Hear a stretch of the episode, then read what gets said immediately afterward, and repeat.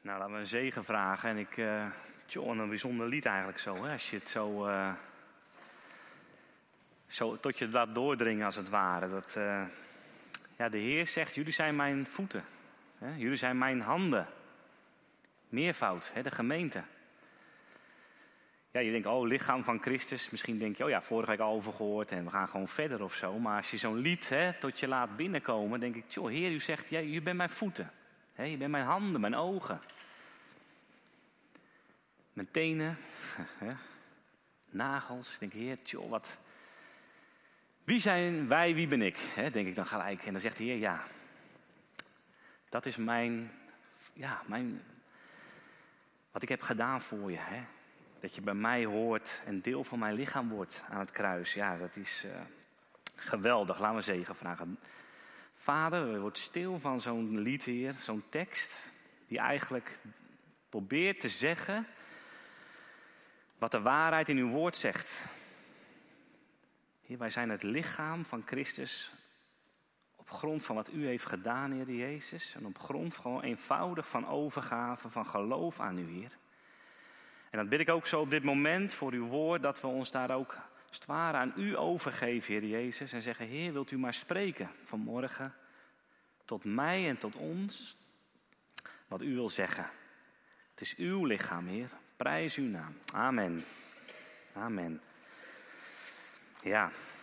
Ja, we gaan mooi verder. Vorige week hebben we natuurlijk eh, start gemaakt met 1 Korinthe 12 over de gemeente nadat als het lichaam van Christus. Belang van de Heilige Geest, daardoor komt het lichaam tot leven. Belang van eenheid, dat het lichaam één is. Ja, het bestaat uit allemaal verschillende delen, maar het is één lichaam. En God geeft je een plaats in dat lichaam. Iedereen, stond er, krijgt een plaats van Jezus in zijn lichaam. Wat geweldig. En, uh, en Paulus gaat dan verder aan die gemeente, want hij wil ze nog wel iets over dat lichaam nog meer natuurlijk meegeven. Iets waarvan hij zegt van joh, ja dat is ontzettend belangrijk als kenmerkend ook van het lichaam van Jezus. En als intro, als ik het stuk ga lezen, wil ik iets delen over een, al jaren geleden. Ik denk dat het nou misschien al wel tussen de 10 en 15 jaar geleden was.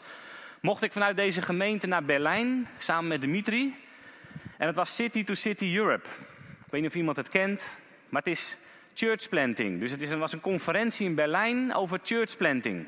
Tim Keller kwam ook uit Amerika, New York. En die gaf daar elke dag uh, ja, een soort college, zeg maar. Over hoe begin je nu een, een gemeente, een kerk in, in je stad, in je woonplaats. Nou, je kreeg, de, ja, je kreeg natuurlijk de mooiste dingen te horen. Hè. Zo kun je beginnen en dit kun je doen en dat kun je doen. En iedereen werd daar natuurlijk hartstikke opgebouwd en je hoorde elkaars verhalen. En toen op volgens mij de ene laatste dag kwam er iemand naar voren uit Parijs. Churchplanter uit Parijs. Een jonge man. En hij mocht iets delen over ja, wat, wat hij aan het doen is. En deze jonge man die, die ging voor, de, ja, voor ons staan en begon zijn verhaal. Hij barst in huilen uit. Hij begon gewoon, hij brak, hij moest huilen. En hij zei, ik, ik zit in Parijs. Ja, ik vertel over Jezus, ik probeer mensen te bereiken en ik heb een hele, hele kleine gemeente. Ik weet niet of het precies zo was, maar nou zeg vijf of tien mensen. En hij zegt, en, en soms loopt er nog iemand ook weg. En dat, dat is het, zei hij. en, en mijn gemeente wil, wil succesverhalen horen, weet je wel. Mijn gemeente wil horen wie er allemaal tot geloof komen in Parijs. En de mooie, de grote, de grote dingen die er gebeuren, zegt hij. En daar stond hij gebroken, weet je wel. Tjoh. En een van de thema's vanmorgen is, ja, zwak is sterk. Toen dacht ik, heer, is het nou zwak of is het nou sterk? Maar ik dacht, hij laat iets zien van Jezus, weet je wel. Jezus werd afgewezen. Jezus werd weggestuurd. Maar Jezus was er en is er. Net als deze jonge man. Ik nooit, zal het nooit vergeten. En een dag later, de laatste dag, werd hij helemaal geëerd door Stefan Paas. Stefan Paas was daar voor de laatste dag en die mocht ook een lezing houden. En die eerde deze jonge man. Hij zei, wat jij deelde, maakte zoveel indruk, weet je wel. Ik hoop dat hij er nog is, hè, in Parijs. Dat is een moeilijk, ja.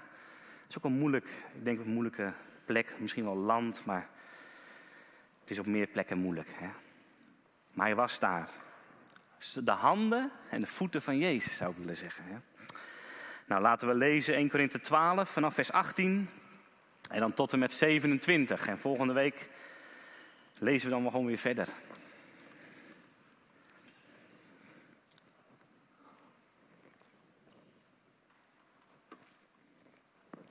1 Korinthe 12, 18 tot en met 27.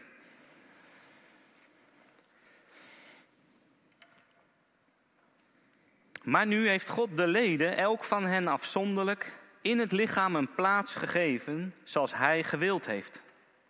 Als zij alle één lid waren, waar zou het lichaam zijn? Nu echter zijn er wel veel leden, maar er is slechts één lichaam. En het oog kan niet zeggen tegen de hand: Ik heb jou niet nodig.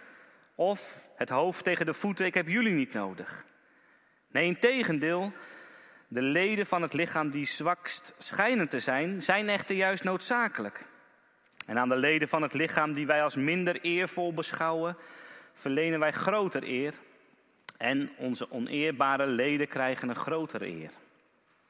Onze eerbare leden echter hebben dat helemaal niet nodig. Maar God heeft het lichaam zo samengesteld dat hij aan het lid dat tekort komt groter eer gaf. Opdat er geen verdeeldheid in het lichaam zou zijn, maar de leden voor elkaar gelijke zorg zouden dragen. En als één lid lijdt, lijden alle leden mee. Als één lid eer ontvangt, verblijden alle leden zich mee.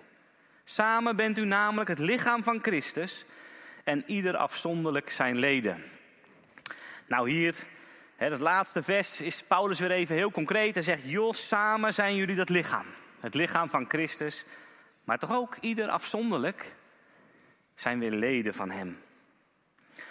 Ja, en Paulus gaat hier eigenlijk verder op wat hij natuurlijk al heeft laten zien. Er is één lichaam en dat lichaam, de gemeente, bestaat weer uit allerlei delen. Maar let op, steeds weer zegt Paulus, je bent één lichaam. Verbonden aan Jezus en verbonden aan elkaar. En dan zegt hij iets heel bijzonders, vond ik, in het eerste vers, waar ik vorige keer wat niet zoveel over heb gezegd. Maar dan staat er, ja, hij heeft voor ieder afzonderlijk een plaats in de gemeente, in zijn lichaam. En dan staat er heel eenvoudig, zoals hij gewild heeft. Viel je het op? Zoals Jezus het gewild heeft, zo heeft Hij jou dus een plek gegeven in het lichaam, van jong tot oud. Vorige week was het thema Jij hoort erbij. Dus inderdaad, Jezus heeft voor iedereen, ieder afzonderlijk die plek. En nu lezen we zoals Hij gewild heeft. In vers 24 staat er dat Hij zelfs het lichaam heeft samengesteld. Mooi hè, mooi woord toch?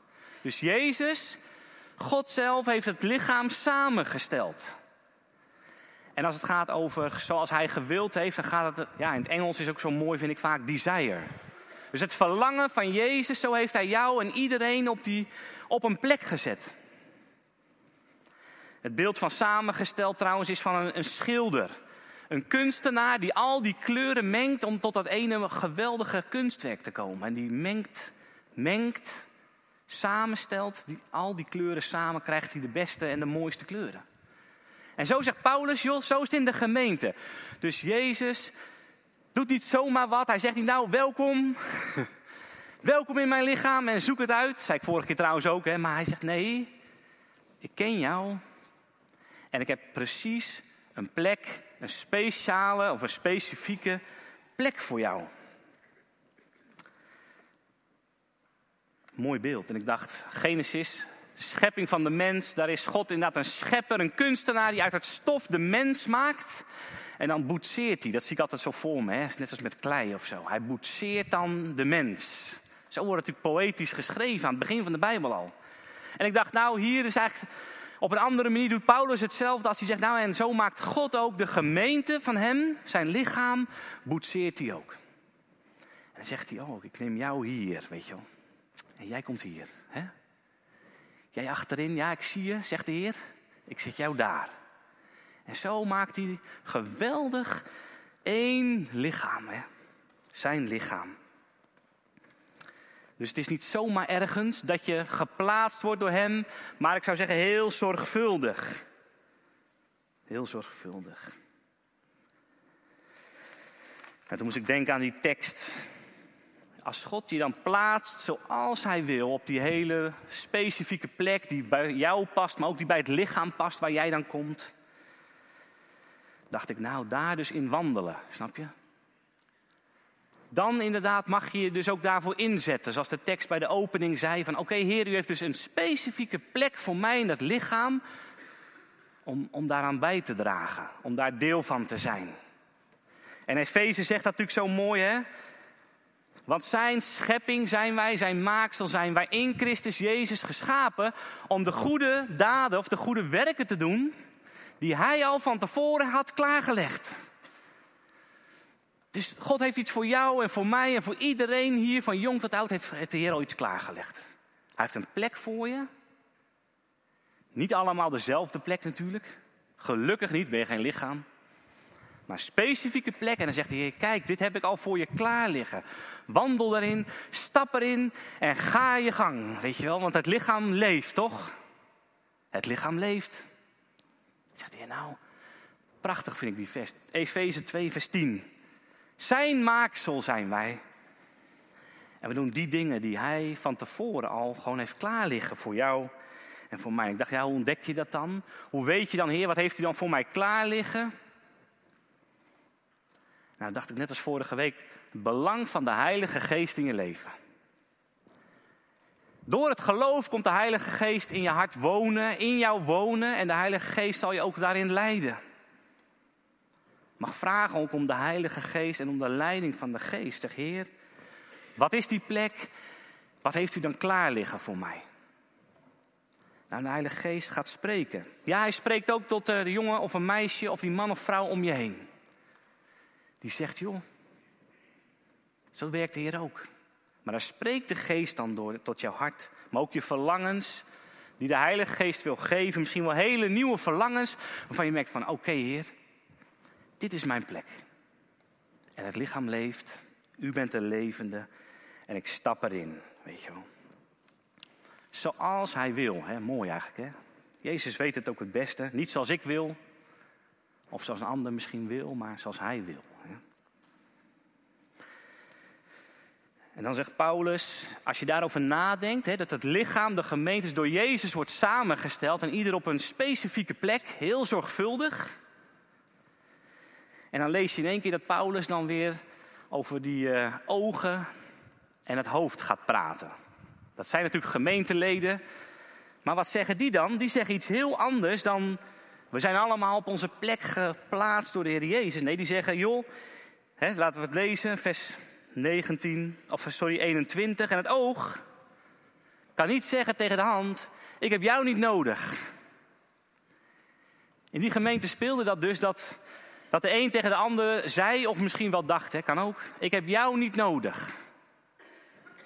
Hier zien we het oog tegen de hand. Of het hoofd, het hoofd is hoog. Het hoofd is hoog. Tegen de voeten. Ik heb jullie niet nodig. We hebben net gehoord dat Jezus heeft het lichaam samengesteld. Maar gaat het lichaam zelf gaat bedenken wat wel en niet nodig is, of wie wel of niet nodig is. Hè? Ja, maar het is toch typisch iets wat in Korinthe speelde. Want Korinthe, een wereldstad, daar was succes belangrijk. Je moest succesvol zijn. Zaken, hè? er werden zaken gedaan in Korinthe. Je kon rijk worden als je het goed deed, joh. Dan was je in Korinthe. Ja, dan kon je, dan kon je je imperium opbouwen, als het ware. En natuurlijk waar je woont, in het land waar je woont. Of... Daar zijn altijd dingen die belangrijker worden geacht dan andere dingen. En ook in Korinthe. Ze waren daar helemaal vol mee. Succes. Het moest succesvol zijn. Je positie. Status. Sterk zijn. Ja, je moest sterk zijn. En dan waren er in de, blijkbaar in die gemeente in Korinthe, waren er misschien leden, delen van dat lichaam, die, die oogden niet sterk. Die hadden niet de gaven van de geest zoals zij die hadden. En dan konden ze zomaar denken, blijkbaar, of zeggen: Ik heb je niet nodig. En Paulus zegt dan, in de gemeente van Jezus is het totaal andersom. Dit hele denken van Korinthe, van de wereld trouwens, wij zitten in, precies in dezelfde wereld natuurlijk, van sterk zijn, succesvol zijn. Maar Paulus zegt, in de gemeente van Jezus is het totaal andersom, want daar komt dat vers, vers 22. Nee, zegt Paulus, in tegendeel. In het Engels on the contrary, weet je wel. Het kan niet, maar als het gebeurt, nee, het is in tegendeel. Het is juist andersom, zegt Paulus dan. Die delen van het lichaam die het zwakst schijnen. Wat staat er dan? Ja, het is onvoorstelbaar eigenlijk dat hij dat zo zegt. Degenen die het zwakst lijken, zegt Paulus, zijn het meest noodzakelijk. Nou, ik weet niet hoe, maar ik, uh, ik hoor dat op tv niet zo vaak dat dat gezegd wordt. Hè? Degenen die het meest zwak zijn in Nederland zijn het meest noodzakelijk voor ons. Het zou toch wat zijn, weet je wel? Wow, waar komt dit vandaan, denk je dan? Hè? Paulus zegt over de gemeente.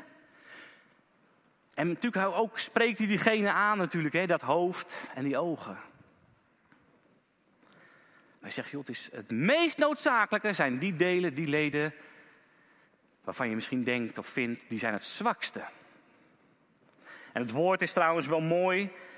Inderdaad, is noodzakelijk, maar het kan ook noemen essentieel. Dus essentieel voor het lichaam om te leven, om te functioneren, zijn juist die leden die het zwakst zijn.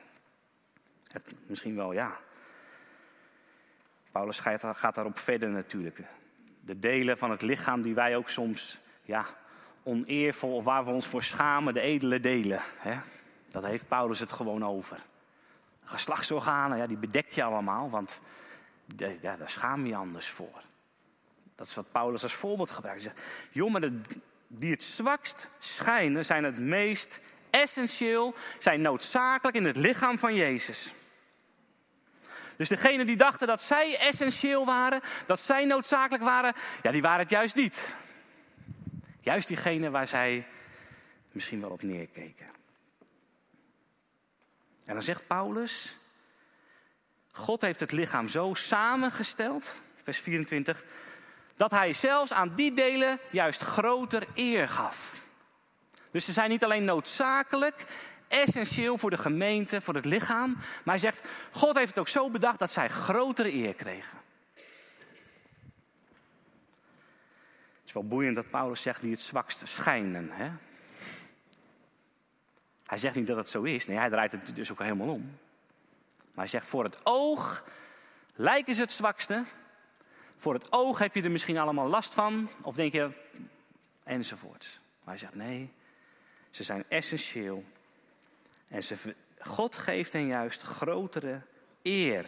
God eert ze juist des te meer. En toen dacht ik, ja,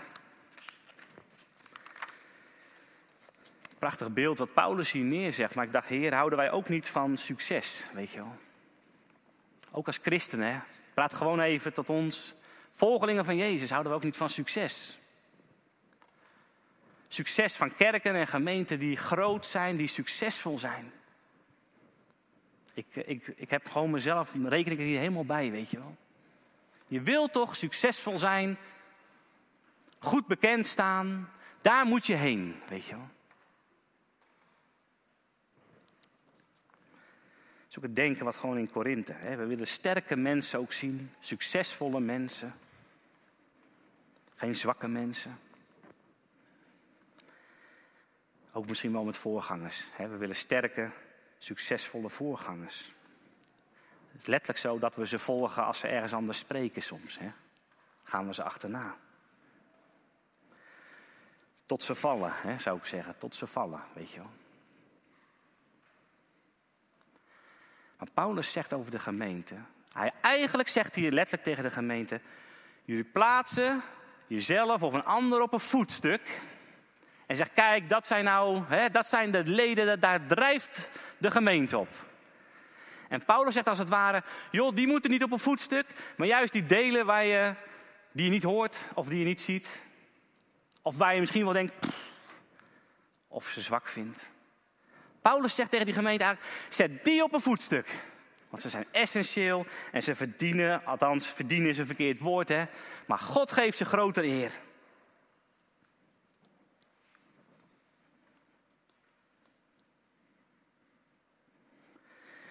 En hij heeft het dan over, hè, concreter, over diegenen in de gemeente die misschien tekort komen. Ik dacht, ja, wat is nou het woord tekort komen? Wat komen ze tekort? Nou, blijkbaar wat anderen vinden dat belangrijk is. Hè? Maar ik dacht, tekort komen is ook gewoon. Het zijn die delen, of daar zijn wij met elkaar soms, waarin je in één keer merkt: ik kan het niet alleen. Snap je? Het kan zomaar een omstandigheid in je leven gebeuren waarin je merkt: ik kan het niet alleen. Het kan gezondheid zijn, kan financieel zijn, kan een andere nood zijn. En dan kom je tekort. En zegt Paulus, misschien kijken anderen naar als zwak, vind je jezelf zwak, maar je bent essentieel voor het lichaam en je verdient groter eer. Ik dacht, waarom meer? Waarom draait het in de, in de Bijbel, waarom draait u nou helemaal om, weet je wel? Je hebt toch sterke mensen nodig, succesvolle mensen. En toen dacht ik, ja, Jezus kijkt anders, snap je? Het is Jezus die totaal anders kijkt en we zijn zijn lichaam. Als Jezus zijn, zeg maar, zijn onderwijs geeft aan de groep discipelen en iedereen die er maar bij is en het wil luisteren, dan zegt hij gelukkig, gelukkig, ik prijs je als je arm van geest bent. Als je treurt, als je huilt, als je verdriet hebt, ik prijs je, zegt Jezus. Als je zachtmoedig bent, als je hongert en dorst naar de gerechtigheid, maar honger en dorsten. Als je vervolgd wordt, ik prijs je gelukkig. Ik dacht, heer, wat doet u? U noemt allemaal dingen die zijn tekorten. Huilen, verdriet is een tekort. Hongeren en dorst is een tekort. Arm van geest zijn is een tekort. En Jezus kijkt anders. Hè? Zwak is sterk. En Jezus laat zien, joh, je bent gelukkig als je arm van geest bent. In plaats van denken het wel te weten. Je bent gelukkig, ik prijs je gelukkig als je treurt. Of dat nou over de wereld is, of situaties, of over je zonde. Prijs je gelukkig. Zachtmoedig in plaats van ik zal eens even laten zien hoe het moet, hoe het moet en hoe het eh, vertellen. Honger en dorsten. Dacht, Jezus, u kijkt totaal anders. En toen dacht ik, ja, Paulus heeft dat in de gemeente eigenlijk al aan het begin neergelegd. Hij wil dat de gemeente dit leert.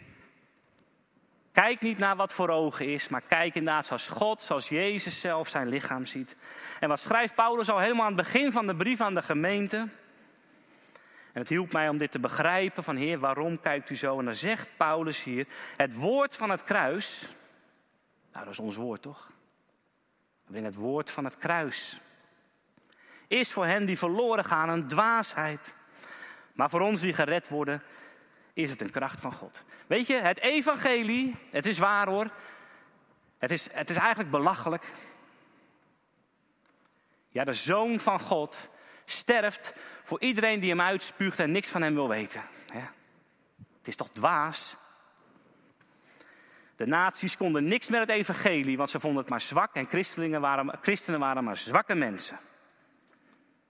En Paulus zegt, maar het is een kracht voor hen die gered worden. Het woord van het kruis. En dan zegt hij, het dwaze van de wereld, hetzelfde hoofdstuk hoor, heeft God uitverkoren om de wijze te beschamen. Het zwakke van de wereld, let op, het zwakke van de wereld heeft God uitverkoren om het sterke te beschamen. Het sterke. Degene met macht, met positie en status. En het onaanzienlijke van de wereld en het verachten heeft God uitverkoren. Wat niets is, om wat iets is te niet te doen. Zodat niemand zou roemen voor God. En dan zegt hij, uit Jezus, in Jezus ben je in, uit Hem, uit God ben je in Christus Jezus, die voor ons geworden is, wijsheid van God, gerechtigheid, heiliging en verlossing. Hij zegt gemeente, het is uit Hem en in Hem door Jezus.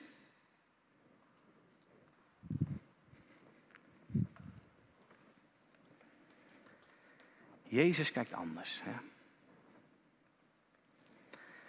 En Gods doel is daarmee iedereen die het weet in de wereld. Iedereen die alles zelf kan. En dan zie je die gemeente van Jezus, die om het zwakke geeft. Die om de kwetsbare geeft en zegt, joh, ze krijgen groter eer, want ze zijn noodzakelijk in het lichaam. Ik dacht, Heer, afhankelijk helemaal van u, hè? Afhankelijk van Jezus. Dat is wat Paulus hier meegeeft. Dat is de gemeente. Volledig afhankelijk van Hem.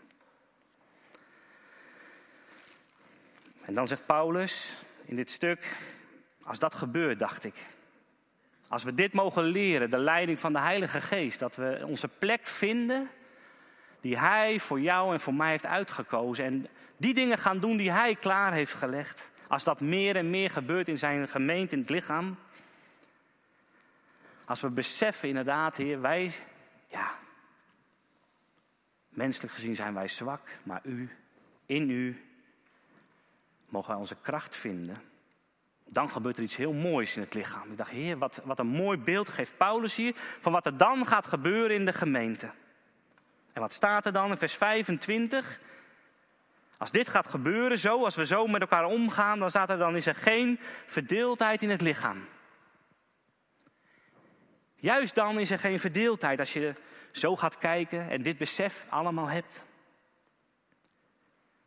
Wat geweldig, hè? Verdeeldheid. Ik dacht, verdeeldheid is vaak hoogmoed en trots, eerlijk gezegd. Hè? Want in verdeeldheid kom je tegenover elkaar. En de een weet nog beter hoe het, hoe het zou moeten. Hè? Maar geen verdeeldheid, zegt Paulus, ontstaat er dan. En dan zegt hij iets heel moois. Maar dat de leden voor elkaar gelijke zorg zouden dragen. Gelijke zorg. Ik dacht, wat mooi dat iedereen er wordt, ja, voor iedereen is er een gelijke zorg. En ik dacht, ja, we moeten wel opletten, want dat betekent niet dezelfde zorg. Snap je? Staat hier niet dat Paulus zegt, iedereen krijgt precies dezelfde zorg.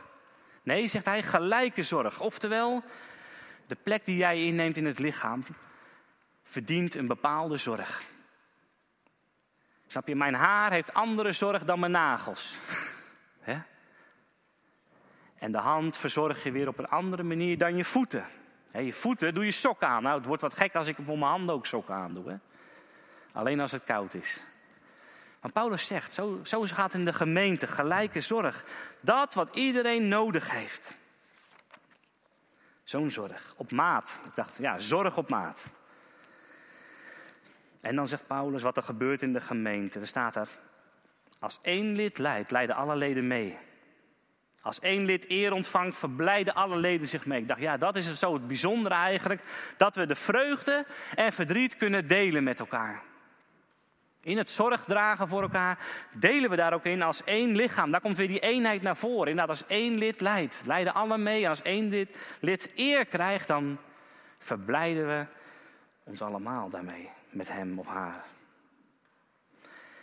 ik had van de week of vorige week, nee, van de week volgens mij, moest ik de vriezer even maken. Hij was helemaal, uh, was, de deur was open blijven staan, dus hij was helemaal vast gaan zitten, die bakken. Dus ik dacht, nou, ik moet even harder trekken om die bak uit de vriezer te krijgen. Ja, en dan moet je weten dat er al een scheur in zat. Dus ik ging eens even flink wat kracht zetten in mijn handen. Hè? Dat zijn de handen, hè?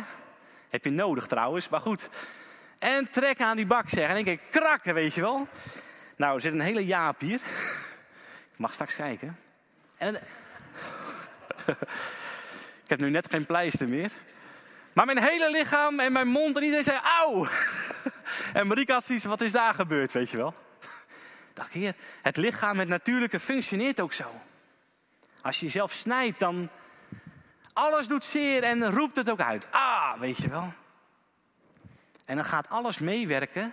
Dat is zo geweldig. Ja, als je daarover leest, weet je wel. Hoe dat gaat met een wond, hè. Zijn vier fases, las ik. Ja, het zijn vier fases. Komen gelijk allemaal witte bloed, bloedlichaampjes, antistolling.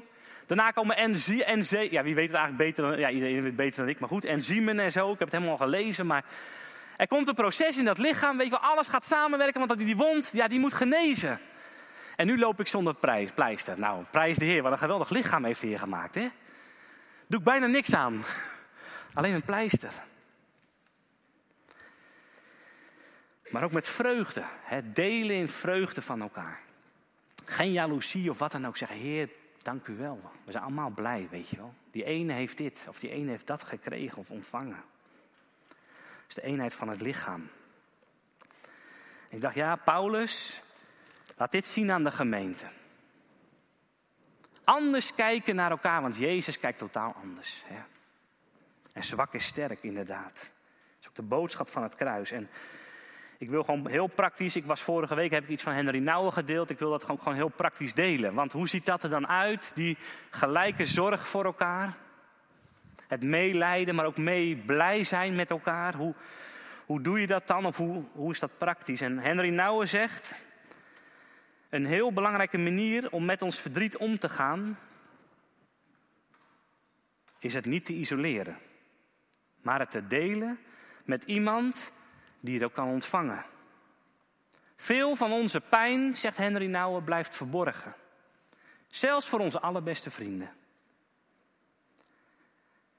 Maar als we ons eenzaam voelen, gaan we dan naar iemand die we vertrouwen en zeggen: Ik ben eenzaam. Ik heb je steun en gezelschap nodig. Als we ons angstig voelen, in seksuele nood, boos of verbitterd zijn, durven we dan iemand te vragen om bij ons te zijn en onze ellende op te vangen. Ik dacht, kringen gaan straks weer beginnen. Hè? Kleine groepen. Kijk, dit, we zijn nou met zoveel bij elkaar. Dat gaat haast niet, hè? Maar in de kringen of in de kleine groep, in de jeugdgroepen. Mogen we dit leren, ieder persoonlijk, ik zelf ook. Zwak is sterk, dus als ik mijn zwak, zwakte die ik misschien zelf als zwak zie, wat misschien helemaal niet zo is, maar ik vind het zo, durf en kan ik die delen ja? bij een ander. Of in de kring of bij iemand uit de gemeente. En dan zegt hij daarover van wie het dan ontvangt. En daar sluit ik mee af, vond ik heel mooi. Dus voor de ontvanger zegt hij mededogen. Met de ander samen zijn in het lijden. Betekent zich verbonden weten met degene die gewond is. Maar die verbondenheid vraagt dat we zelf ook kwetsbaar durven zijn. Wie mee wil lijden zegt, ik ben je broer, ik ben je zus. Ik ben ook een mens, kwetsbaar en sterfelijk, net als jij. Ik erger me niet aan je tranen, ik deins niet terug, omdat ik zie dat je pijn hebt. Ik heb zelf ook gehuild, ik heb zelf ook pijn gevoeld. En dan zegt hij iets heel moois, vind ik Henry Nouwen. We kunnen de ander alleen nabij zijn als die ander niet langer anders is, maar gelijk aan ons wordt. Ja. En dan mogen we in groeien, gemeente. Ja is lichaam. Wat een wonderlijk lichaam heeft de Heer gemaakt. Wat hebben we ook een wonderlijke Heer, zou ik zeggen. Die heel anders kijkt. En zwak is sterk hoor, echt. En laten we daar ook op bidden om de geest die jou en ons mag laten zien, dit is de plek die Hij voor jou heeft. Zoals Hij gewild heeft. Hè? Precies zoals Hij gewild heeft. En Hij heeft iets klaar liggen voor je. En in zorg dragen voor elkaar. Hè? Hemelse Vader, dank u wel voor uw woord. Wat soms de dingen zo op zijn kop zet, Heer. En inderdaad, Heer, wij leven in het licht van het kruis als gemeente. Heer Jezus, u bent ook de gekruisigde en wij zijn uw lichaam, Heer. Ach Heer, en wij zijn allemaal, ja, allemaal zwak in die zin, Heer. Door zonde, door onze eigen pijn en verdriet, Heer. Maar u brengt leven, u brengt herstel en u eert ons, Heer. En zet op ons op onze plek, Heer. Prijs u nou. En ik bid voor, ja, voor diegene die vanmorgen luistert of hier is. En je, je praat jezelf, ik wil het gewoon zeggen nu, je praat jezelf de put in. En je zegt, ik mag er niet zijn. Ik hoor er niet. En de Heer zegt, ik ben gestorven voor jou en jij bent mijn zoon en dochter. We hebben het in het filmpje gehoord. Dat is genade. Ontvang het ontvang het, Heer. En ik bid zo voor uw geest op in, in, in onze gemeente, in deze gemeente, Heer, waar we allemaal deel van zijn, Heer. Dat we hierin mogen groeien, ook het lijden met elkaar en ook het vreugde beleven met elkaar, Heer. En dat we ja, naast elkaar kunnen staan en naast elkaar kunnen zitten. En u bent daarbij, Heer. U bent daarbij. Prijs uw naam. Amen.